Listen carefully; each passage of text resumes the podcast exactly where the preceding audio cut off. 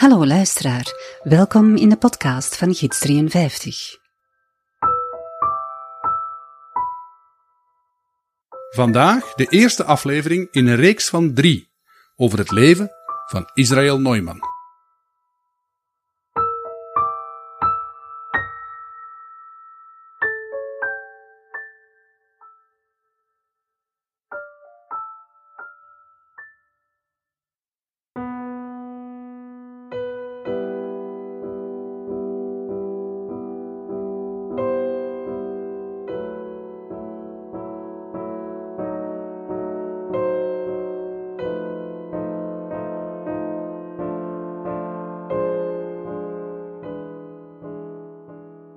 Wie was Israël Neumann?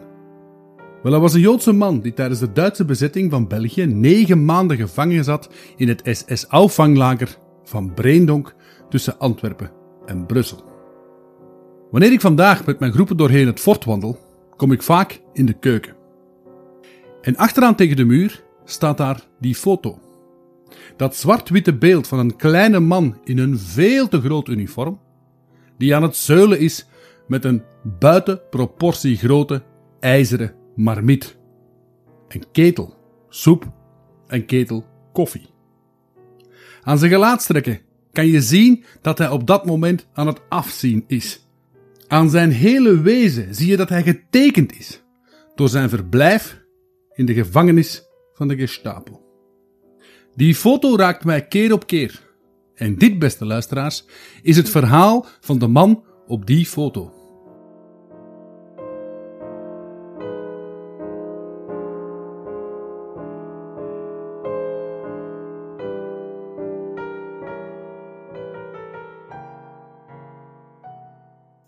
We zijn in Antwerpen. Het is oktober 1940.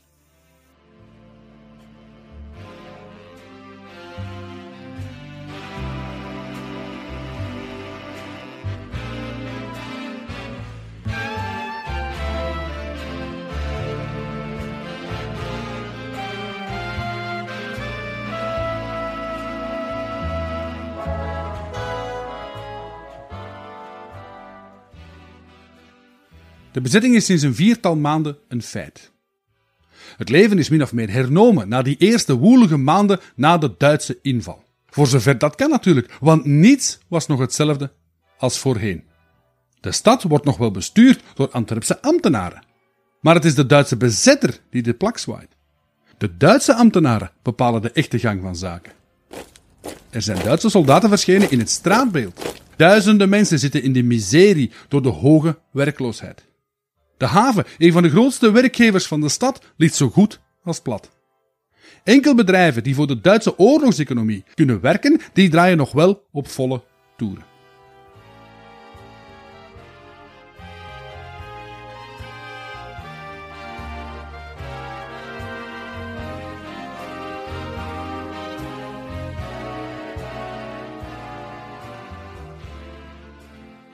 De lokale winkels en markten zijn open. Maar er heerst schaarste van zowat alles. Hoewel de bezetter ons anders wil doen geloven. Om het schaarster wordende voedsel zo eerlijk mogelijk te verdelen over de hele bevolking, voert men de rantsoenering in. Een kaart met zegeltjes en bonnetjes. En zonder het juiste bonnetje kan je niks kopen. Met de winter voor de deur is ook kleding en brandstof op de bon gegooid. De zwarte markt tiert welig in Antwerpen. De prijzen swingen de pan uit. En dan is er nog de Duitse politie, die toekijkt op het naleven van de oude en de nieuwe wetten. De veldgendarmen patrouilleren in de straten. De Gestapo patrouilleert ook. Maar hen zie je niet. Zij jagen in het geheim op anti-Duitse elementen. Het is 11 oktober 1940. En het zijn sombere vooruitzichten voor de gewone Antwerpenaar, voor de gewone senior.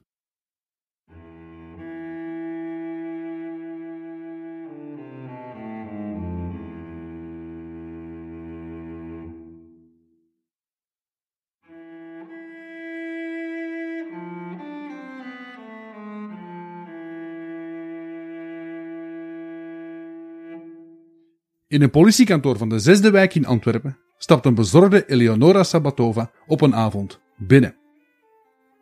Ze komt aangifte doen van een verdwijning. Meer bepaald de verdwijning van haar man. Israël Neumann, want zo heet hij, was de dagen voordien niet meer naar huis gekomen na zijn ronde. En dat was duidelijk niet van zijn gewoonte. Zij was hem overal gaan zoeken, in de cafés, in de bars, in de restaurants. Ze had navraag gedaan bij kennissen, maar niemand had hem nog gezien. Ten einde raad komt ze hem opgeven als vermist persoon bij de politie. Agent van den Bunder is van wacht die avond en hij noteert in zijn PV het relaas van de wat radeloze Eleonora die voor hem aan zijn bureau zit.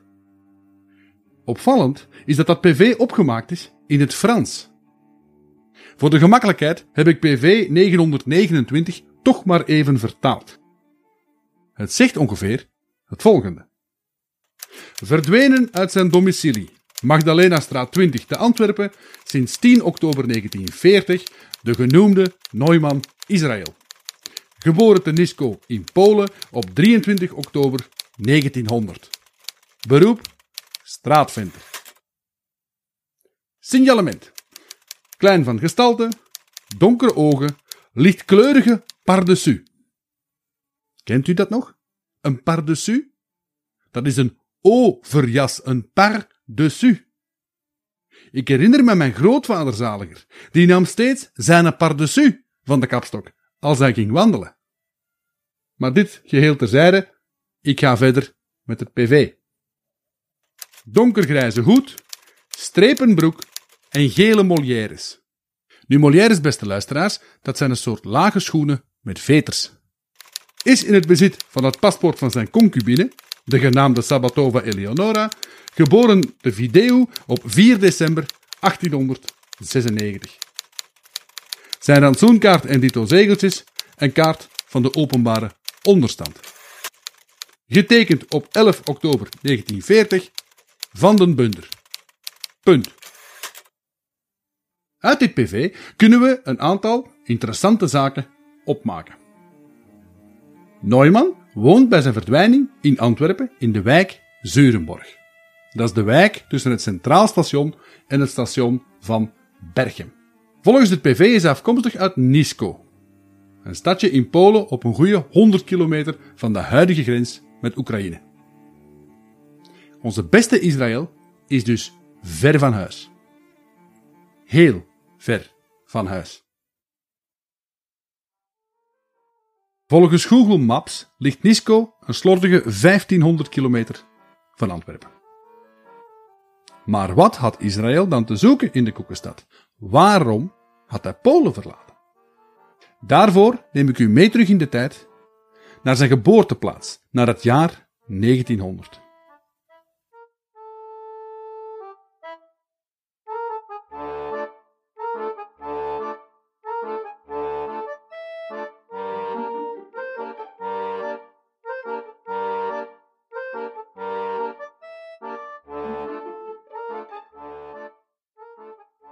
Israël werd dat jaar op 23 oktober geboren in het Joodse gezin van Simon en Ghana Neumann. Onze kleine man was de vijfde in een gezin van zeven. Hij had nog drie broers en drie zussen. Vader verdiende de kost als winkelier en leraar Hebreeuws. De familie behoorde tot de lagere middenklasse van Nisko, net zoals vele andere Joodse gezinnen en families in die tijd. U moet wel weten dat Polen tijdens de jeugdjaren van Israël niet echt meer bestond. Nisko lag in het grote Oostenrijks-Hongaarse keizerrijk. Maar dat zou veranderen met de Eerste Wereldoorlog. En ook de toekomst van de Neumanns wordt vanaf dan heel onzeker.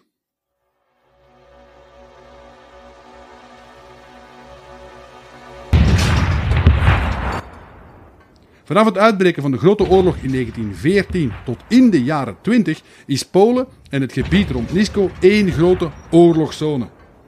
Waar de Duitsers en de Oostenrijkers vechten tegen de Russen en later de Polen gaan vechten tegen de Bolsjewieken. De gevolgen laten zich raden, uiteraard. De economie heeft zwaar te lijden onder al dat geweld. Er heerst chaos. Mensen lijden honger. Net na de Eerste Wereldoorlog, beste luisteraars, woonden er 3 miljoen Joodse mensen in het Poolse paradijs, zoals zij dat noemden. Dat was de grootste Hebreeuwse gemeenschap ter wereld. Wel, voor die miljoenen mensen breken er moeilijke tijden aan. En in Oost-Europa diep geworteld antisemitisme steekt opnieuw de kop op. En het wordt steeds maar erger. En dat ondanks de staatsburgerlijke gelijkheid van de Joden, wat op dat moment vrij uniek was. Er worden gewelddadige pogroms georganiseerd. Joodse winkels en bedrijven worden geplunderd, worden vernield. Stap voor stap wordt de economische en culturele verpaupering een feit. De Poolse Joden worden eigenlijk het slachtoffer van hun eigen economische succes. En waar zouden we dat tien jaar later opnieuw horen?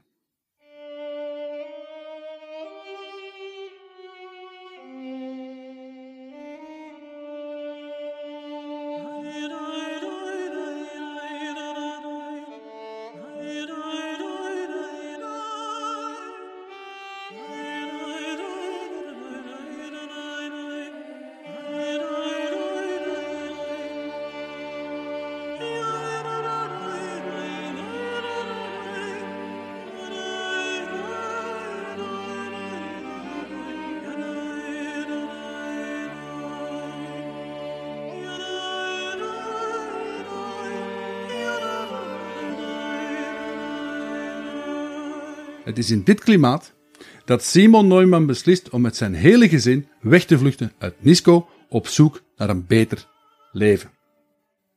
Hij verkoopt zijn winkeltje en hun hele hebben en houden en koopt acht treinticketjes richting Parijs. Dat van die treinticketjes is natuurlijk een vermoeden, want ik weet niet hoe en voor hoe lang ze gereisd hebben.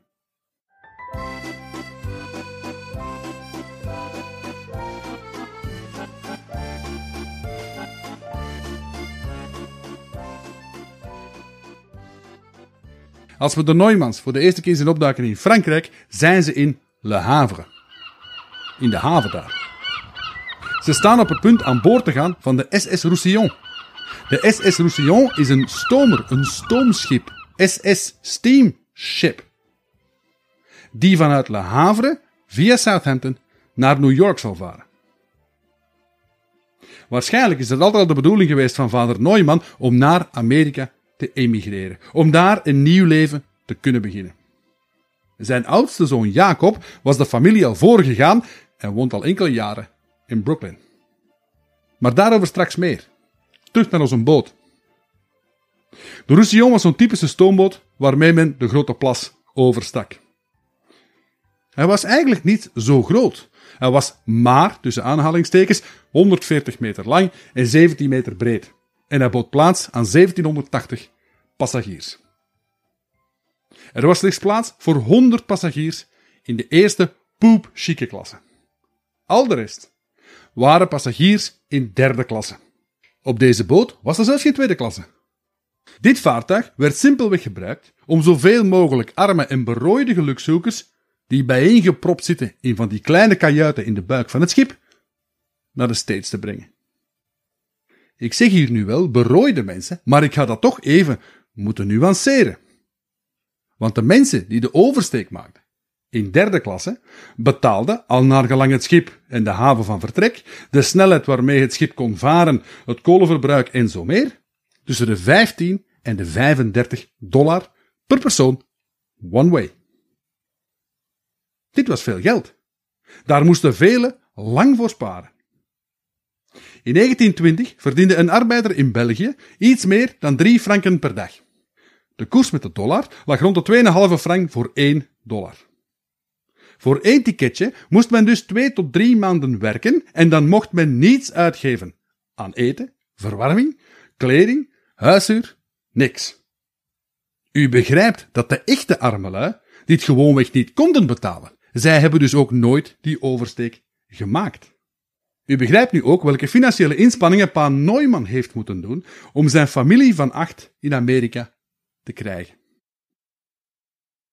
Onder luid applaus en cheering vaart de SS Roussillon de haven van Le Havre uit op 19 januari 1921. Voor de Neumanns begint met de oversteek van de Grote Plas het nieuwe, maar onbekende leven.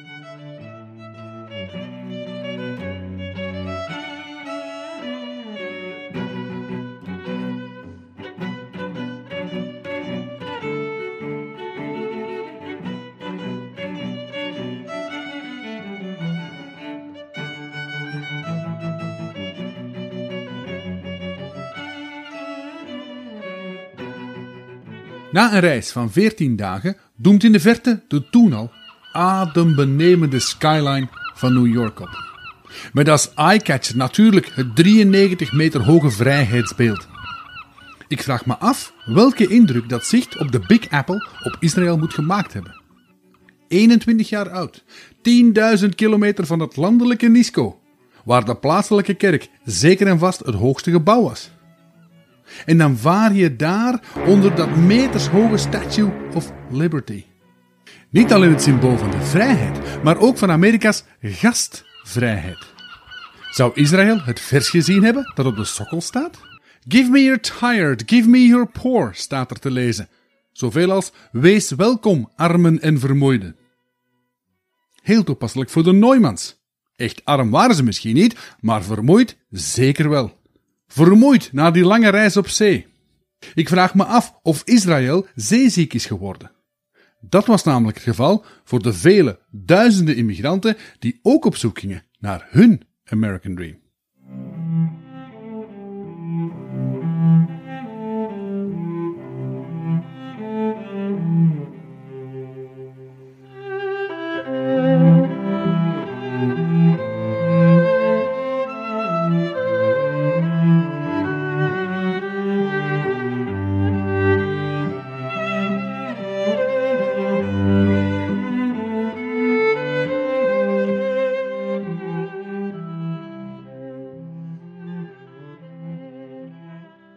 Zoals steeds begint de Amerikaanse gastvrijheid ook voor de Neumanns op Ellis Island. Het beruchte eiland dat zo goed als naast het vrijheidsbeeld ligt. En waar de US Immigration Service sinds lang zijn tenten had opgeslagen. Om de aliens. Want beste mensen, zo worden die immigranten letterlijk genoemd. Om die aliens grondig te kunnen controleren. Hoe cynisch is dat? Eens de boot aan de kade ligt, komt de Immigration Service op het schip en controleert de mensen in eerste klasse. Voor de reizigers in derde klasse was dat niet het geval. Zij werden op aparte ferries en ander drijvend materieel recht de controleposten op Ellis Island ingevaren. Daar volgde paspoortcontrole. Een snel, maar degelijk medisch onderzoek. Want men wilde absoluut geen zieke mensen in de States. Die kosten de overheid veel te veel geld. En daarna de vragenlijst. Met vragen zoals: wat komt gij hier doen? Wat kunt jij zoal? Heb jij hier een adres waar je terecht kan? En dan vooral, kunt jij voor jezelf zorgen en voor de mensen die je bij hebt? En gelukkig voor mensen als ik, historici, werden die gegevens ook neergeschreven in ellenlange passagierslijsten. En voor de Neumanns, eigenlijk Neumeens, want het staat verkeerd geschreven, vertellen de lijsten het volgende. Vader Simon is 62 jaar oud, moeder Ghana 50 als ze in Amerika van boord gaan. De kinderen die zijn meegereisd zijn Shipora, 30 jaar, en haar zus Shifra, 28 jaar oud. Dan drie broers. Sheza, 24, Israël, 21 en Melech, 15 jaar. Tot slot nog een derde dochter, Sima, van 16 jaar. Ras, Joods. Herkomst, Polen. Simon heeft ook nog een zus wonen in Minsk, staat er op de lijst. Ze kunnen allemaal lezen en schrijven. Wat gezien het feit dat vader Ledaar is, misschien nog niet zo verwonderlijk is. Op de vraag waar ze naartoe gaan, is het antwoord van Simon naar mijn zoon Jacob, die woont in Brooklyn. Over Israël zelf komen we heel weinig te weten. Enkel dat hij ongehuwd is, dat hij 5 feet 4 meet, dat is ongeveer een meter 62, zoals zowat iedereen op die lijst. Hij heeft donker haar, donkere ogen. Alle standaard antwoorden worden mooi ingevuld door de beambte van dienst. En voor iedereen van de familie is dat zo goed als hetzelfde. Het moest daar vooruit gaan. Tot op de vraag misvormd of kreupel. Want dan staat er plots een vinkje achter Israël zijn naam. Meer details heb ik niet, maar ik vermoed dat hij mankte of zoiets.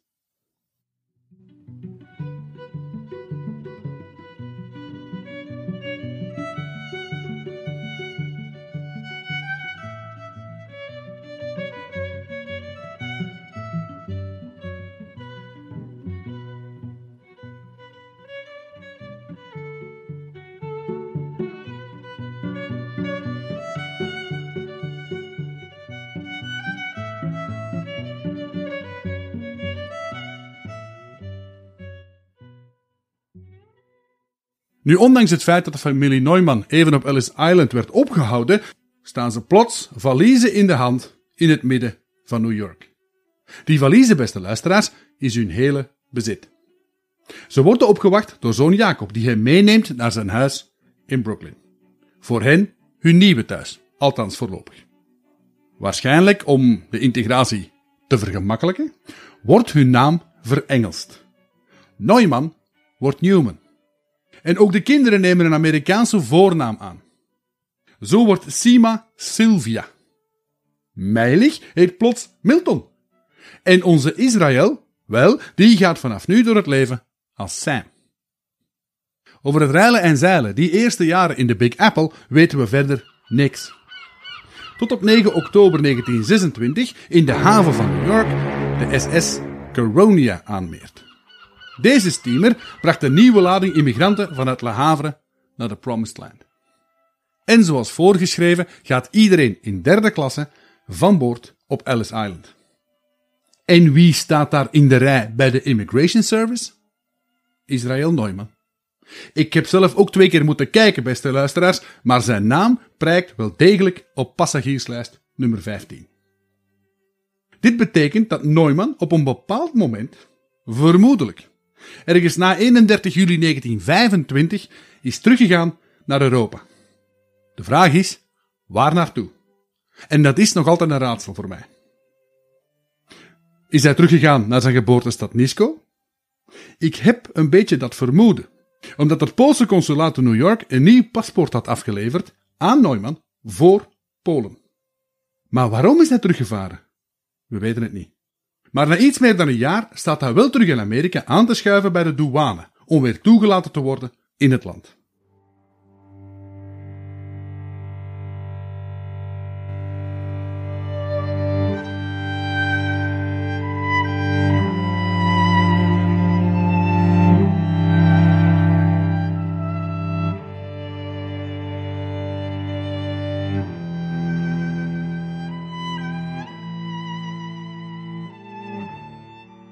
Plots krijgt het verhaal een vreemde wending. Ik probeer u te schetsen wat er zou kunnen gebeurd zijn. Israël komt bij een wat Norse, ambetante immigration officer voor die beruchte vragenlijst en het medisch onderzoek. Luister even mee. Visum. Uh, alsjeblieft, meneer. Hm. U bent 26 jaar oud, Pools en geboren in Nisco. Uh, jawel, meneer. De ambtenaar bekijkt Neumann eens grondig en typt in het vakje volk of ras Caucasisch. Wat later overschrijft hij dat echter met Hebrew, Jood.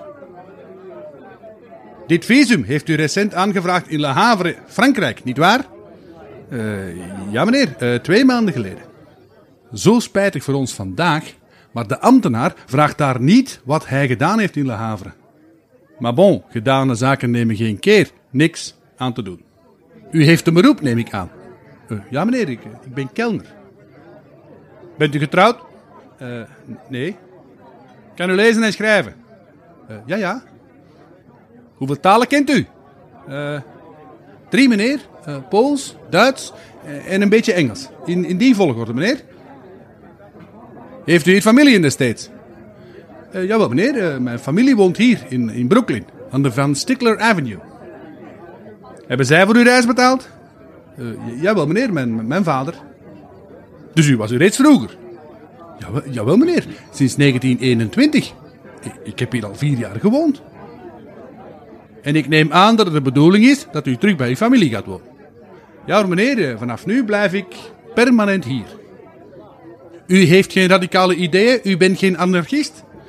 Nee, nee meneer, ik, eh, ben gewoon een brave man.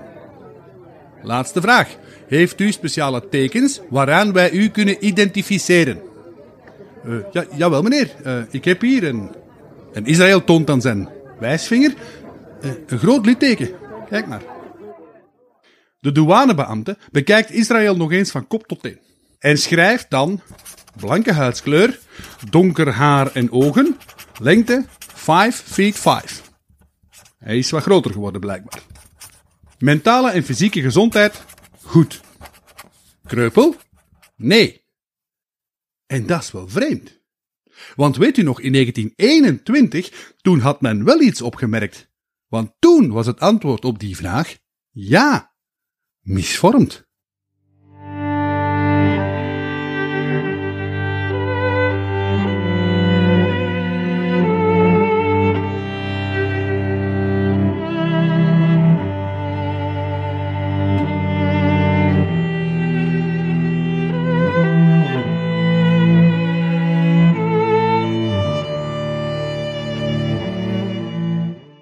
Na de vragenlijst volgt het medisch onderzoek. Israël mag zich uitkleden tot in zijn onderbroek. De eerste dokter die luistert naar het hart. Een tweede die checkt dan de longen. Een derde arts neemt de bloeddruk. En dan plots... Stempel op het document. Ziekte. Welke ziekte is niet duidelijk, maar ze is wel ernstig genoeg om Israël door te sturen naar het Ellis Island Immigration Hospital. Hij vliegt naar het hospitaal. Na negen dagen wordt hij daar ontslagen. Dus zo erg zal het wel niet geweest zijn. Maar toch mag hij niet van het eiland. In een document genaamd Record of Aliens Held for Special Inquiry blijkt dat er zes passagiers van de SS Coronia op Ellis Island moesten blijven. Helaas voor Israël is hij daar één van. Hij heeft namelijk een hele foute stempel gekregen. En dat mag je dus letterlijk nemen. Op die stempel staat dus LCPH hold. De immigratiedienst is er namelijk van overtuigd dat hij niet voor zichzelf kan zorgen. Likely public charge. Hoogstwaarschijnlijk gaat dat dus ten koste moeten leven van de overheid. En verder staat er dat zijn pH, zijn physical health, te wensen overlaat. Hij heeft dus wel degelijk lichamelijke beperkingen. Of hij nog contact heeft gehad met zijn familie, die vlakbij woonde in Brooklyn en bovendien voor de reis had betaald, dat is niet helemaal duidelijk. Wat wel duidelijk is, is dat Israël, na een dikke drie maanden detentie, opnieuw op de boot richting Le Havre wordt gezet. We zijn 4 februari 1927. Deported staat er droogjes voor zijn naam te lezen. En daarmee was de kous af. Israël Neumann zou nooit meer terug in Amerika geraken.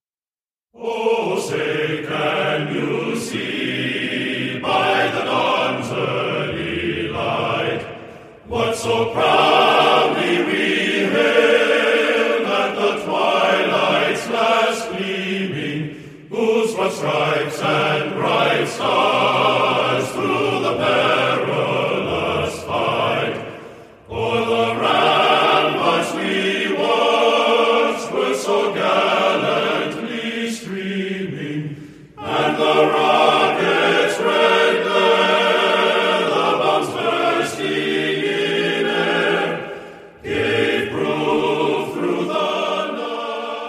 Dit is het einde van de eerste aflevering van drie over het leven van Israël Neumann. Volgende keer volgen we Israël na zijn deportatie vanuit Amerika. Tot dan, beste luisteraars.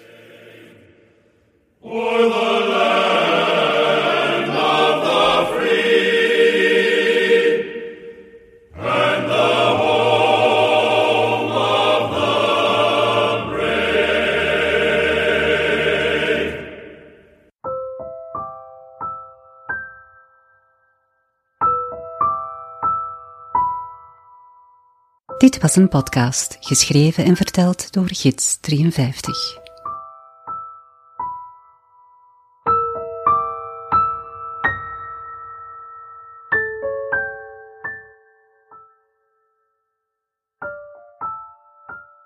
Wil je nog meer informatie rond dit thema? Surf gerust naar mijn website gidsnummer53.com blog. Daar kan je extra beeldmateriaal vinden en verhalen over Breendonk en Israël Neumann.